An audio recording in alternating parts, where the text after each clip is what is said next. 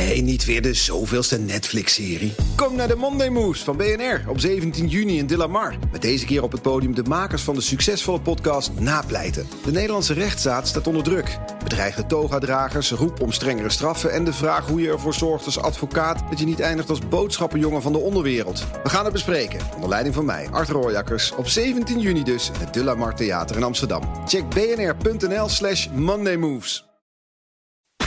BNR Werkverkenners wordt mede mogelijk gemaakt door BrainNet. BrainNet voor zorgeloos en professioneel personeel inhuren.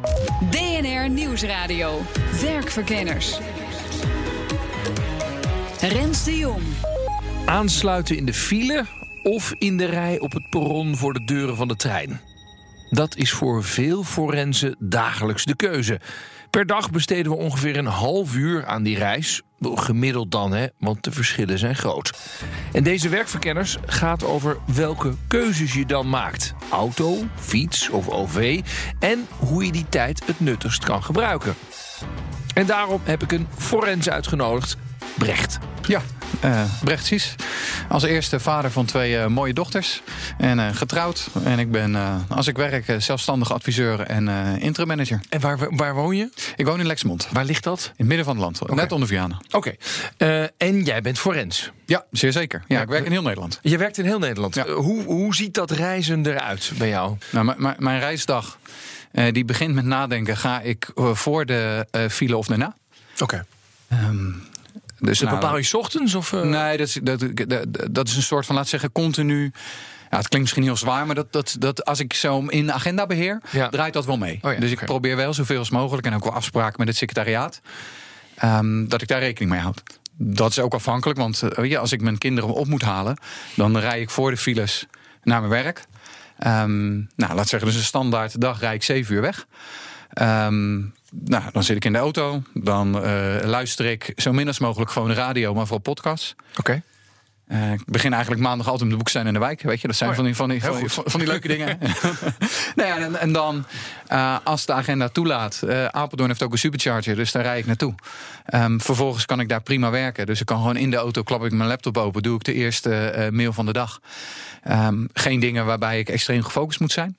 Um, Laat zeggen, daarna rijd ik naar mijn, uh, naar mijn eerste afspraak. Nou, is Apeldoorn is ook zo mooi dat je midden in het centrum kan parkeren en um, uh, kan, kan laden en hoef je geen parkeergeld te betalen. Dus dat zijn weer de voordelen. Um, als ik dan een, een afspraak heb, dan probeer ik in de ochtend op één locatie te zijn. Uh, ik werk uh, op het stadhuis en laat zeggen vier dislocaties.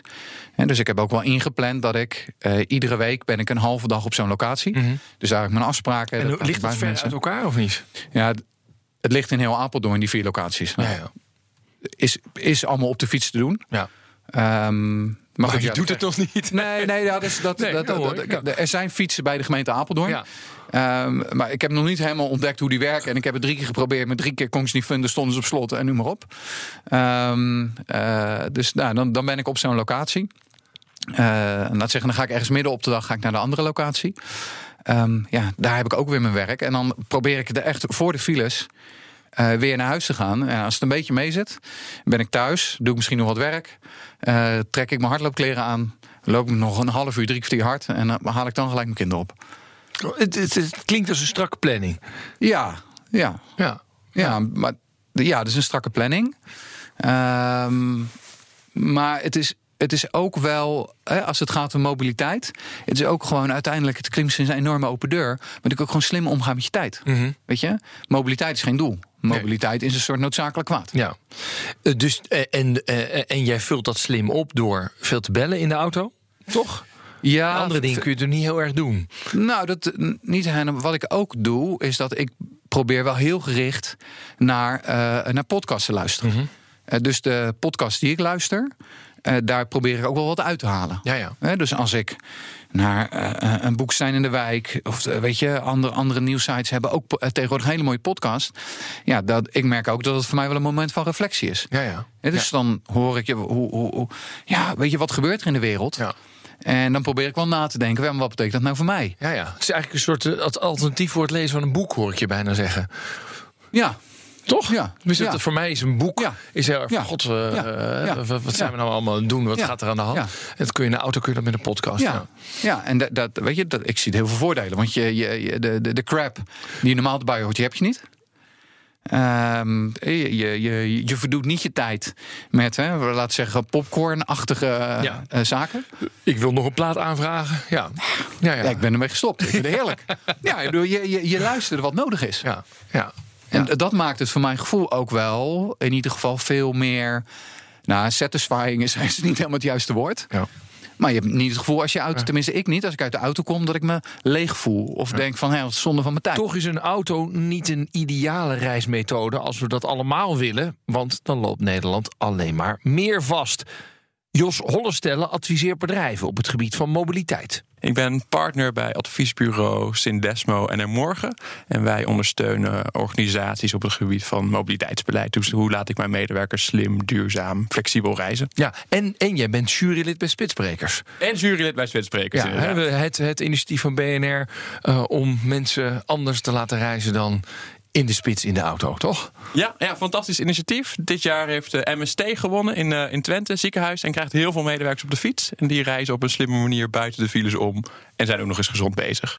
Hey, is dit iets waar veel werkgevers mee zitten? Zo van, hoe reizen mijn medewerkers naar mij toe en van mij af? Ja, enorm. We, we zien dat, dat, die vraag steeds toeneemt. Het heeft een aantal redenen.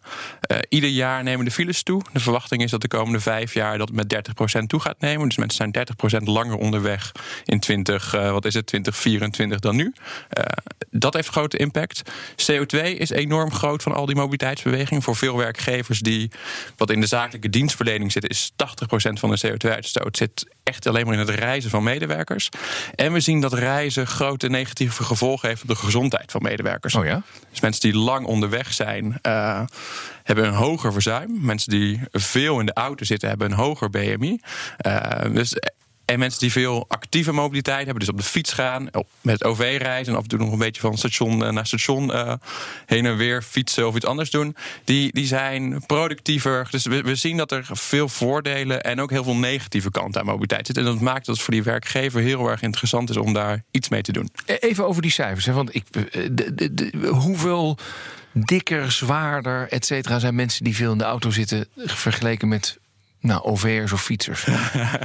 De exacte getallen over hoeveel kilogrammen dat is, dat, eh, dat heb ik niet helemaal. Eh, er is eerder wel een onderzoek gedaan dat fiets, eh, fietsers ongeveer 5 kilogram lichter zijn dan, dan automobilisten. En, en wat blijkt is dat de BMI langzaam toeneemt naarmate je reistijd toeneemt. En om een of andere reden, en vraag me niet waarom, is dat bij vrouwen groter dan bij mannen. Ja, oké. Nou, ik herken het wel. Ik reis bijna niet met de auto en probeer alles met OV te doen.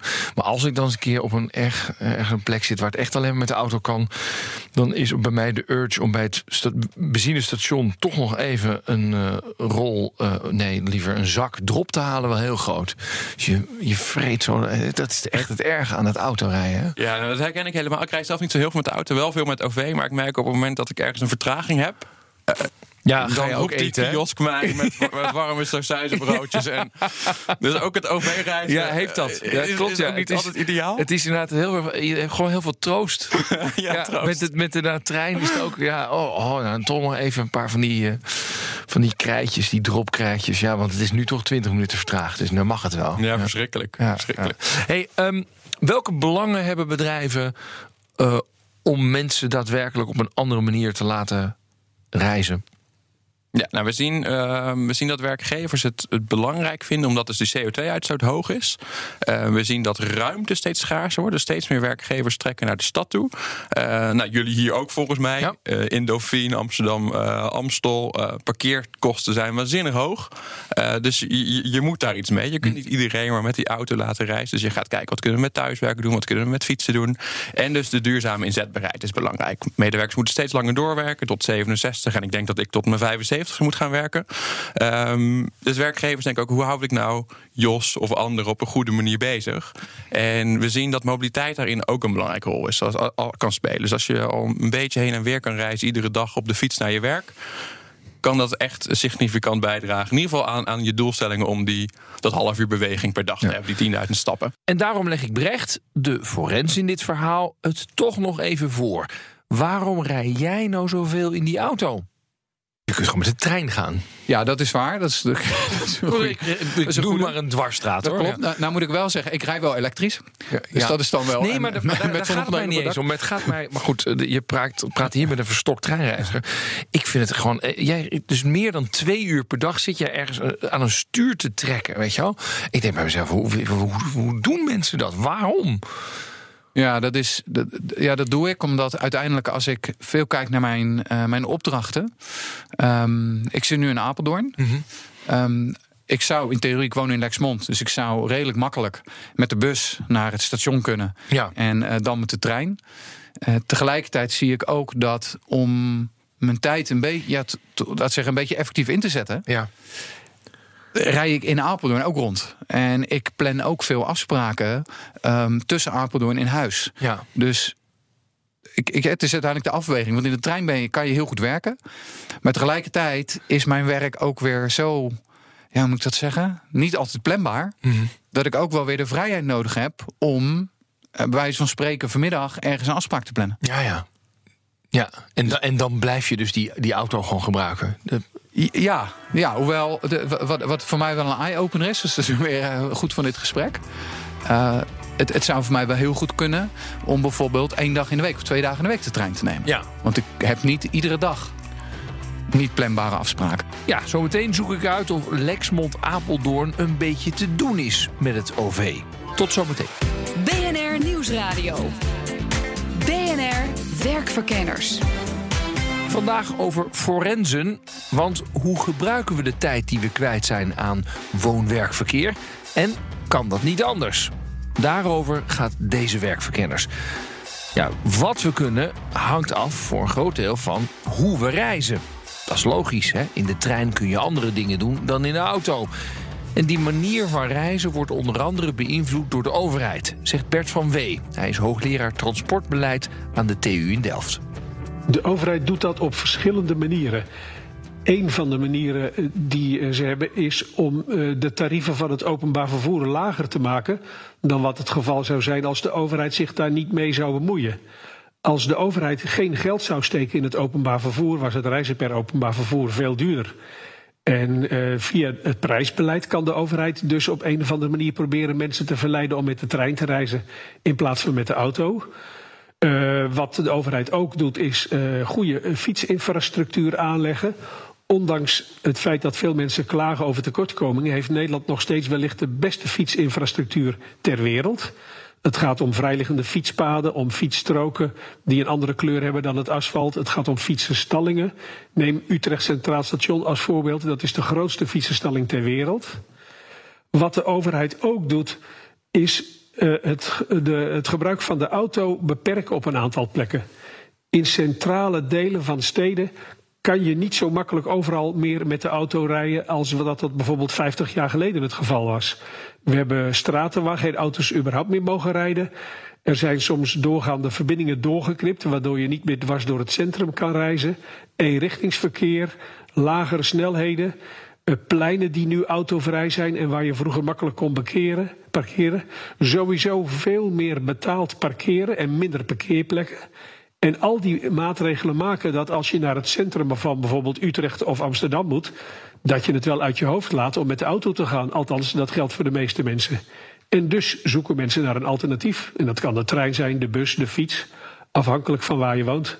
Het blijkt uit onderzoek dat hoe groter de afstand is van je woning tot het dichtstbijzijnde station, hoe kleiner de kans dat mensen met de trein naar hun werk gaan.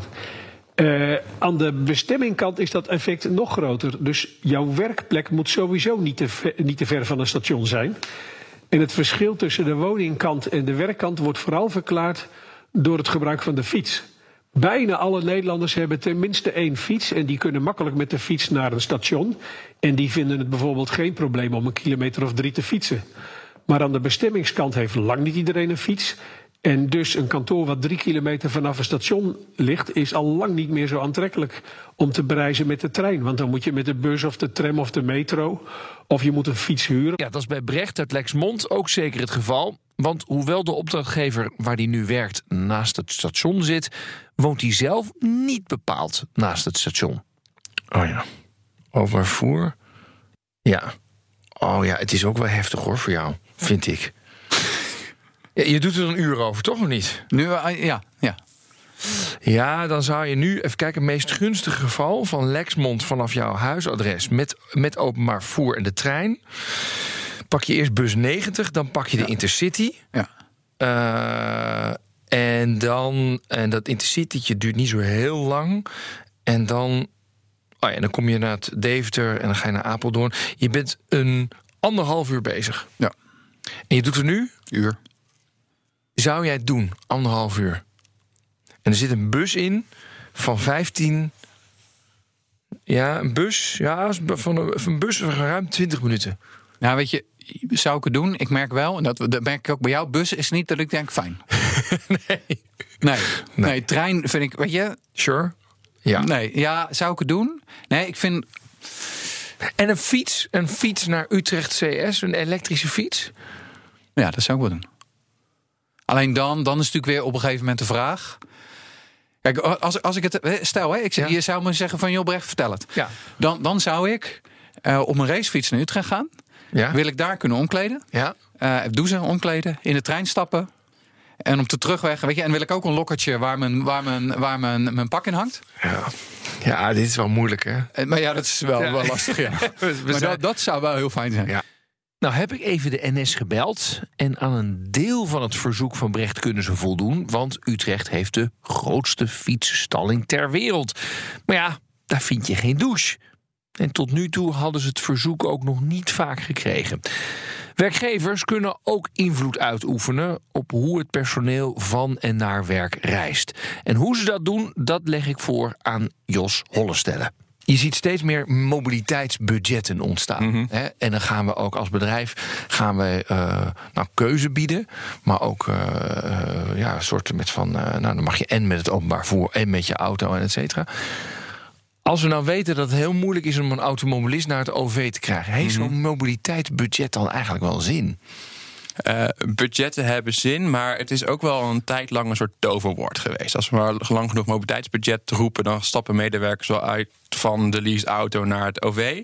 Wat, wat ze deden is dat ze het budget gebruikten om van hun relatief schone leaseauto een vervuilende benzineauto te gaan rijden. En nog steeds in die auto vaststaat. Dus je, hebt, je hebt veel meer nodig dan alleen, een, eh, dan alleen een budget. We zien wel dat dat kan verschillen per generatie. Want ik, ik werk zelf ook veel op de Zuidas. En wat ik daar zie eh, bij grote eh, consultancypartijen... waar veel jongeren werken...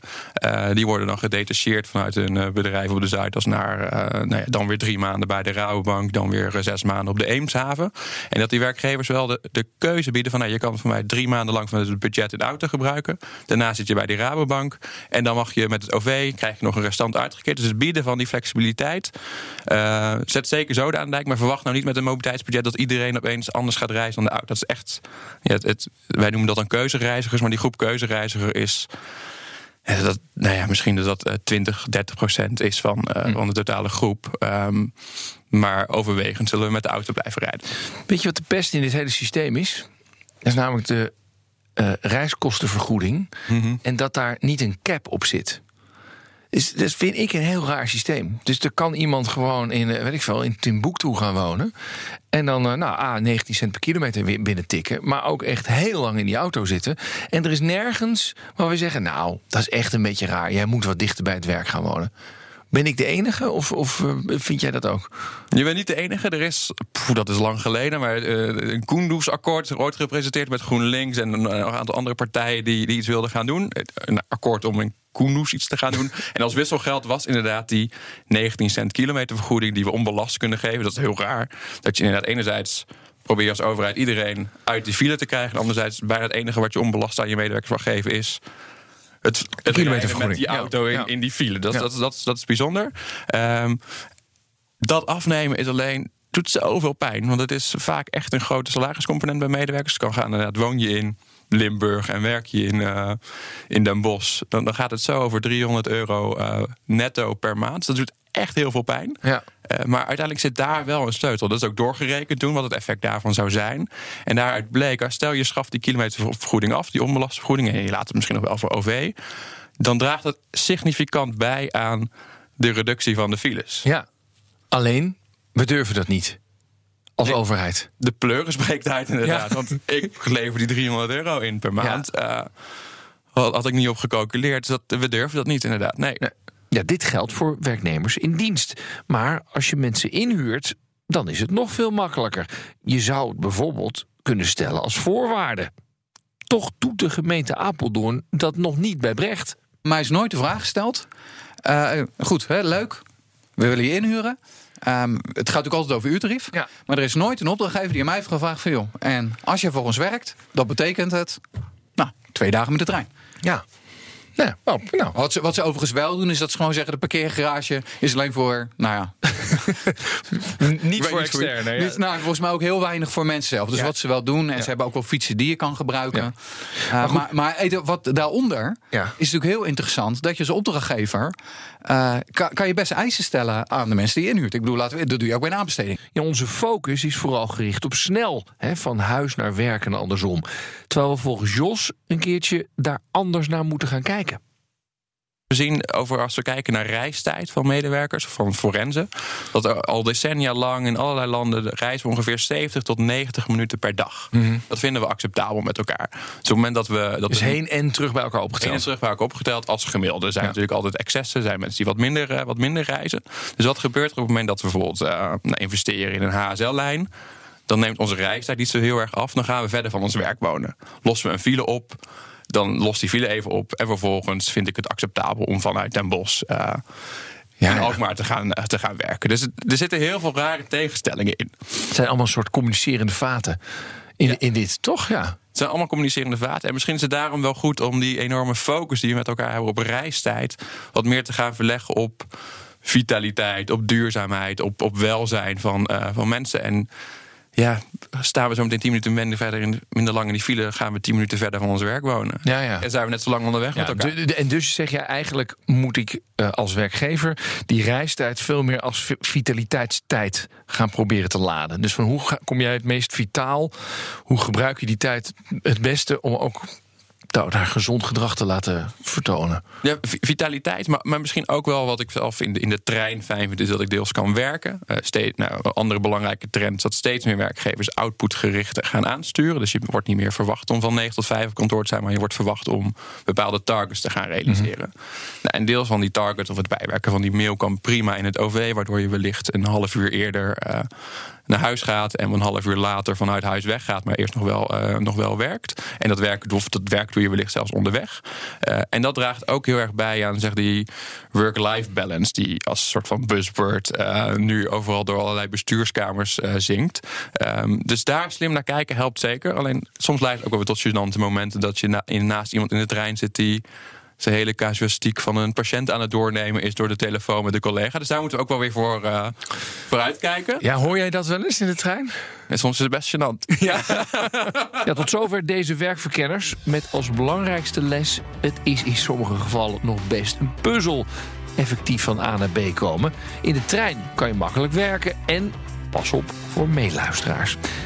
Aanstaande dinsdag om half vier hoor je weer een nieuwe op de radio. En als je je op de podcast abonneert, dan weet je zeker dat je niks mist. Tot de volgende keer. Dag. BNR Werkverkenners wordt mede mogelijk gemaakt door BrainNet. BrainNet voor zorgeloos en professioneel personeel inhuren. Ook Diana Matroos vind je in de BNR-app. Ja, inderdaad. Je kunt live naar mij luisteren tijdens de Big Five. Ook handig in de BNR-app. Breaking nieuwsmeldingen, maar ook het allerlaatste zakelijke nieuws. En je vindt in de app alle BNR-podcasts, waaronder Wetenschap Vandaag. Download nu de gratis BNR-app en blijf scherp.